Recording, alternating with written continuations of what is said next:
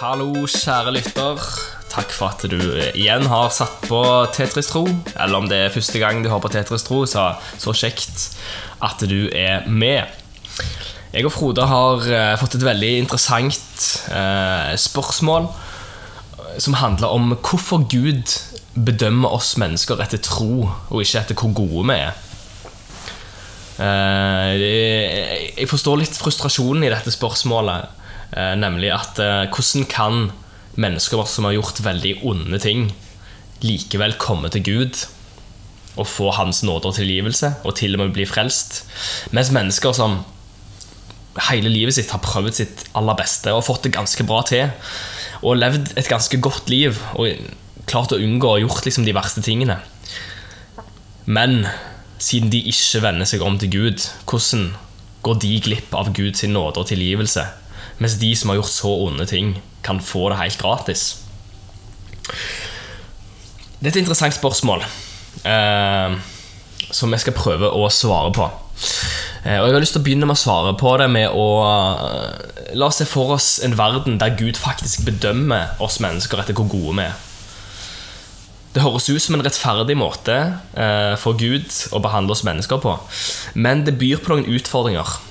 Fordi hva, hvordan skal Gud da forholde seg til de menneskene som har vokst opp i hjem eh, der de ikke har fått den kjærligheten som de trenger? Hvordan skal Gud forholde seg til de menneskene som ikke har hatt gode foreldre, som har modellert hva kjærlighet er? Eh, Hvordan skal Gud forholde seg til de menneskene som kanskje har opplevd seksuelle overgrep, eh, og kanskje har blitt slått, blitt mobba?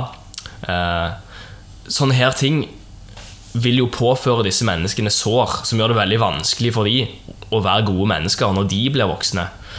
Og det er det som er utfordringen med ondskap og med mørke, at den synden vi gjør, eh, og det mørket som er i oss, det er ofte bare en videreføring av ting vi tar med oss fra våre foreldre, fra våre livserfaringer.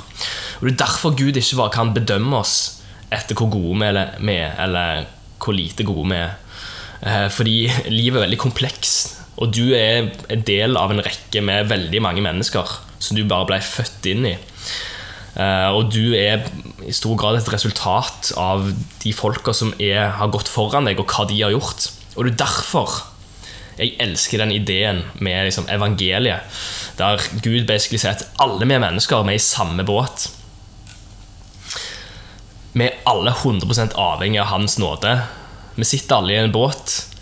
eh, og alt vi trenger å gjøre, er bare å liksom rekke opp hånden og si til Gud Hei, jeg er ikke god nok i meg sjøl. Jeg klarer ikke å leve opp til det livet som du har skapt meg til å leve. Derfor trenger jeg deg. Og det er det vi tror på. At eh, uansett hvilket liv en har levd, uansett hva en har gjort, uansett hvor gode foreldre en har hatt, uansett hvor en har vokst opp i denne verden, hva en har av materielle ressurser, hvor smart en er, så er budskapet så enkelt at vi alle mennesker står på lik linje. Alt vi trenger å gjøre, er å si ja til at Gud kom ned og redda oss. Eh, Og det er for meg mer rettferdig enn at Gud skal bedømme oss og belønne oss etter hvor gode vi har vært. At Gud faktisk sier Vet du hva? Det er ingenting du kan gjøre eh, for å frelse deg sjøl. Du må bare 100% stole på meg. Og det òg er jo føler jeg en annen grunn til at Gud eh, Til at jeg tror at Gud eh, ikke belønner våre gode gjerninger. Eh, Det er jo at Hvis han hadde gjort det, så hadde ikke han vært en god far. Eh, Ta eksempelet med Gjert Ingebrigtsen, eksempel. Han har jo en spennende familie. Han har en verdensmester, en eh, OL-mester i eh, liksom, sønnen hans Jakob. Men skal han behandle Jakob bedre enn eh, de barna han har som har valgt å leve et helt vanlig liv? Skal han på en måte behandle barna sine annerledes etter hva de har prestert, og hvordan de velger å leve livet sitt? Det hadde jo ikke vært å være en god far. Og det er nettopp derfor Gud ikke bare kan eh, bedømme oss etter hvor gode vi er. Fordi vi er mennesker, vi er forskjellige, har forskjellig utgangspunkt. Og Guds kjærlighet den er lik for alle. Og det syns jeg er ja, helt fantastisk å tenke på. At han ser likt på meg de dagene jeg messer opp, og de dagene jeg eh, klarer å være nesten et godt menneske, det er helt fantastisk. Og jeg vil utfordre deg til å ja, til å virkelig se det der eh, Ja, se hvor vakkert evangeliet er, og hvor tilgjengelig det er. Og istedenfor å prøve å komplisere det og bare se, Ja, det er veldig enkelt, men hva med bare ta imot det? Ta imot den gratis kjærligheten, den gratis gaven som Gud vil gi deg. Hva tenker du, Frode, rundt dette spørsmålet? Altså det spørsmålet her, kan du si, det er jo et sånn, Jeg, jeg syns du svarer veldig bra. Ja. Jeg synes at du, kan si, du, du, er inne på det som er på en måte essensen i hele greiene, det med en god far. Altså Gud er, altså Det bildet vi har av Gud, da, er at han er på en måte en rettferdig Gud. Og rettferdig er jo ikke at alt blir likt, men rettferdig er jo at vi får på en måte det som er best for oss. da. Og jeg tror kan du si at vi på en måte, sånn som vi har sagt mange ganger, som jeg på en måte jeg tror vi er skapt med en hensikt. Jeg tror vi er på en måte skapt av Gud da, i rett tid. Når tiden for oss skulle være. kan du si Hvis du leser Salme 139, ikke sant, sånn på en måte, mens vi var i vår mors mage, står det, så forma han oss til å få de dagene som vi skulle ha. ikke sant? Og jeg tror Gud har egentlig planlagt vårt liv. da. Men så er det sånn at vi messer det til innimellom. Fordi at vi får få god tro på oss sjøl òg. Det står i Efeserne ikke sant? 2,8 at for av nåde er dere frelst ved tro. Og det er ikke av dere selv, det er Guds gave. Det er ikke av gjerninger, for at ingen skal kunne rose seg. Jeg tror at det er veldig mange av oss, når vi begynner å gjøre ting godt, og begynner å bli veldig gode, så blir vi fryktelig høye på oss sjøl. Og da blir det sånn at vi får sånne pidestaller. Vi, vi, bygger oss opp et sånn lite tårn under oss sjøl for at vi er så flinke, og så raser plutselig det tårnet. Hadde det vært sånn at det, måte, det var det Gud gikk etter, at vi måte, skulle bygge oss et sånn Hvor høyt tårn kan du bygge deg sjøl med gode gjerninger? da? Så hadde det for noen vært veldig ålreit. For noen mennesker elsker jo å bli bedømt. Andre kan jo ikke fordra det i hele tatt. ikke sant? Noen orker jo ikke, noen klarer jo ikke skole. Karakterer er fryktelig for noen, men andre elsker det jo. Men det er jo ikke sånn at du kan si Jeg er jo sykepleier, ikke sant? Det er ikke sånn at de sykepleierne som var best på skolen teoretisk, er de beste sykepleierne. Det erfarer jeg nå etter 25 år i yrket. ikke sant? Jeg, jobber, jeg tror jeg jobber 25 år nå. Kanskje mer òg. 25 pluss i helseyrket. Og jeg ser jo det stadig nå. Det er ikke de som var best på sykepleierskolen, som gikk med toppkarakterer i teori, som er de beste sykepleierne. Ofte er det de som faktisk var ikke så veldig gode på skolen. Som så vidt kom igjennom, men som har det i seg. da for de er skapt til å være omsorgspersoner. ikke sant? De har det der genet fra Gud. ikke sant? Og Jeg tror det er der det kommer inn. Jeg tror at du kan si det spørsmålet her Det blir mye lettere da, hvis du forstår at det, det skal så lite til. At du bare forstår at Gud har skapt deg. Du er skapt av Gud. Han har hatt en plan for deg fra evighet av. Her står det i Efeserne 1, 4, at før verdens grunnvoll ble lagt, tenkte han på oss. Og vet du hva? Hvis du tror på det, du, hvis du tror på sånne enkle vers, da, så blir det eh, Altså, Da blir det der med tro ikke så vanskelig. Da blir det mer sånn at tro blir ikke en prestasjon. Tro blir en holdning. da. Det blir en, en setting, en startpunkt. At faktisk, du sier ja til Jesus, så kommer du inn i Guds familie, og dermed så er du der for alltid. Altså, Sånn som mine unger. Jeg har fire stykker. ikke sant? Det er ikke sånn at Dan eller Tobias eller Kine eller Dina lurer på om de er, er min, min, datter eller sønn. De vet det. De er det. De er født sånn. Mm. Og Det opplegget der har også med Gud å gjøre. da For du, du blir født på ny. Ikke sant? Når du blir frelst og sier ja til Jesus, så blir du født på ny. Da får du del av noe som er større enn deg sjæl. Mm. Noe som du egentlig alltid har vært. Men du takker ja til den gaven som heter nåden, da, som kom ved Jesus på korset. Du takker ja til frelsesplanen til Gud. Der Gud sa jeg vil ha kontakt med deg igjen. ikke sant? Der du, du takker ja til det, så blir du et barn av Gud. ikke sant? Og da kan du ha noe med Gud å gjøre. 24-7. Og jeg tror det er det som på en måte er vanskelig for noen mennesker å forstå. da. For vi er så veldig teoretiske. ikke sant? Vi skjønner ikke alt av Bibelen, vi forstår ikke alt som står. Vi syns det er for godt å være sant. Men vet du hva, akkurat dette her som har med Gud å gjøre, det er, det er faktisk sånn. Det er så enkelt at det, det, er faktisk bare Guds nåde som kan hjelpe oss. Står i Titus 2,11 og et kapittel i Bibelen litt i bøkene etter Apostelens gjerninger utover. Brev til Paulus, tror jeg. Til Titus så står det 2,11 at nåden oppdrar oss til å leve et gudfryktig liv. Til å gå vekk fra de der verste lystene. Så til og med det å kunne leve et riktig kristenliv hjelper nåden oss til. Innifra og ut. Altså, jeg har jo tro på det verset som står i Johannes 14, 26, om at Den hellige ånd skal hjelpe oss med alle ting. Også å forstå det som står i Bibelen. ikke sant? Det er sånn yndlingsvers, Hvis du har hørt på Teddy mer enn én gang, vet du, så har du fått det verset der. Det er ganske ofte at jeg er innom det. Og jeg vet jeg tror på det verset. Nå er det ikke sånn at allting går riktig. At allting for Frode går bra. At alt er bare sus og dus. Det er ikke det. Men jeg tror det at nummer én er det at du, tror at du faktisk er skapt av Gud. Da. Og hvis du tror du er skapt av Gud, så er det der å tro på Han og på en måte slippe Han til, da, da er det nok. Og vet du hva, det, det konkurrerer godhet. da. Altså den der, den der, Det å være bra nok, det å være kvalifisert. For vi er alle kvalifisert for Gud. Men står det, mens vi ennå var syndere, står det. Så betalte han prisen for oss. Og det står det i Romerne og jeg tror det er 3.23 òg, at alle er syndere og mangler Guds ære. Men når vi får sjansen ved Jesus, da han på en måte roper på, på korset 'det er fullbrakt', så gjelder det for alle mennesker. Flinke og stumme og dyktige og glupe og IQ-mestere. Alle. Men alle må forstå at det er ikke dem sjøl. For det er ingen som kunne booste seg. Det står det i engelsk at du skal ikke kunne booste deg på at du er kristen. da. Du skal kunne booste deg på at det faktisk er nåden som holder. da. Og jeg tror det at det kan du si et kjempeviktig spørsmål å få tak i. Men det dreier seg om å få tak i nåden til Gud. da. Og hele bildet er egentlig det at det, som jeg pleier å si, det er et stort puslespill. Når Gud ser ned på jorda, så har du én brikke i det puslespillet, og du passer inn ett sted. Og det viktige er å finne det, å være den beste personen av deg sjøl. Så det, det, å finne tilbake til Gud, det er starten. Men så hjelper Gud deg til å finne sammen med andre mennesker, så du kommer inn i det bildet Gud har ment da, for denne verden. Og vet du hva? Det bildet er godt.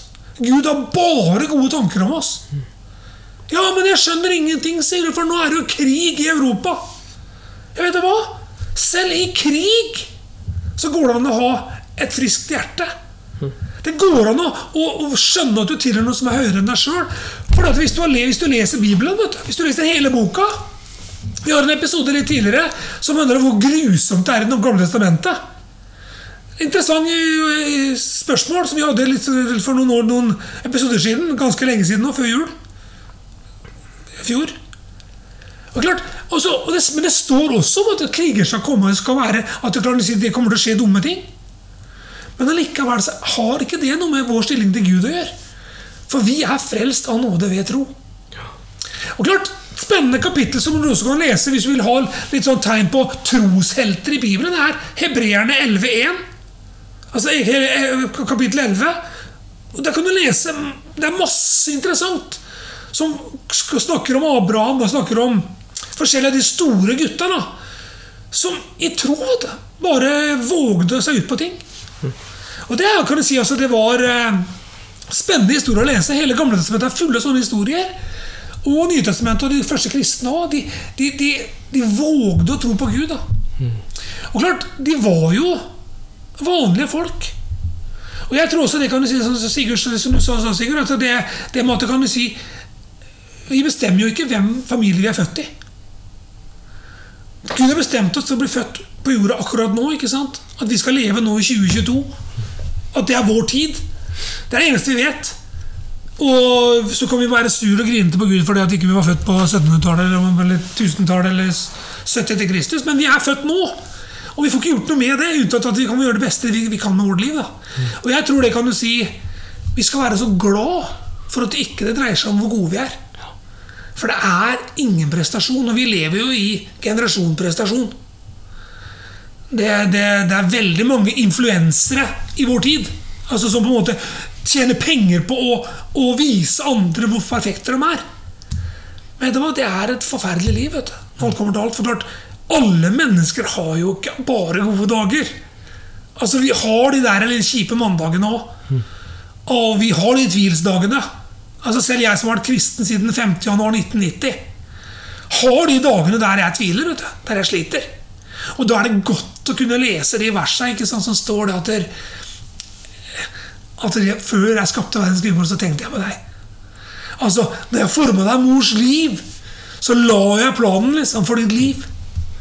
Og de tankene jeg har for deg, sier Gud, de er fredstanker, det er framtid og håp. Og vet du hva? Hvis du leser slutten av boka, vet du, Bibelen, Johannes' åpenbaring kapittel 21, så står det om himmel. vet du. Og 22 og Det er ganske interessant lesning. altså, for Der står det om veldig bra ting. Så jeg tror vi har svart greit. Jeg, jeg tror si jeg tror vi skal være veldig glad for at det dreier seg om tro og ikke prestasjon. Eller at vi skal være gode. For jeg tror ikke det Det hadde iallfall ikke blitt rettferdig. For hvem bedømmer, da? Hva er godt, da? Det vi viser utad, eller det er sånn vi er? Og det er jo det som er viktig med oss mennesker. Altså, altså ja, vi kan, en, vi kan ha en sånn attitude mot mennesker, men åssen er vi når vi er for sjøl, da? For det er det Gud ser på. Han ser til hjertet. Mennesker ser på det ytre. Og det vi kan være flinke til å kle oss med masker.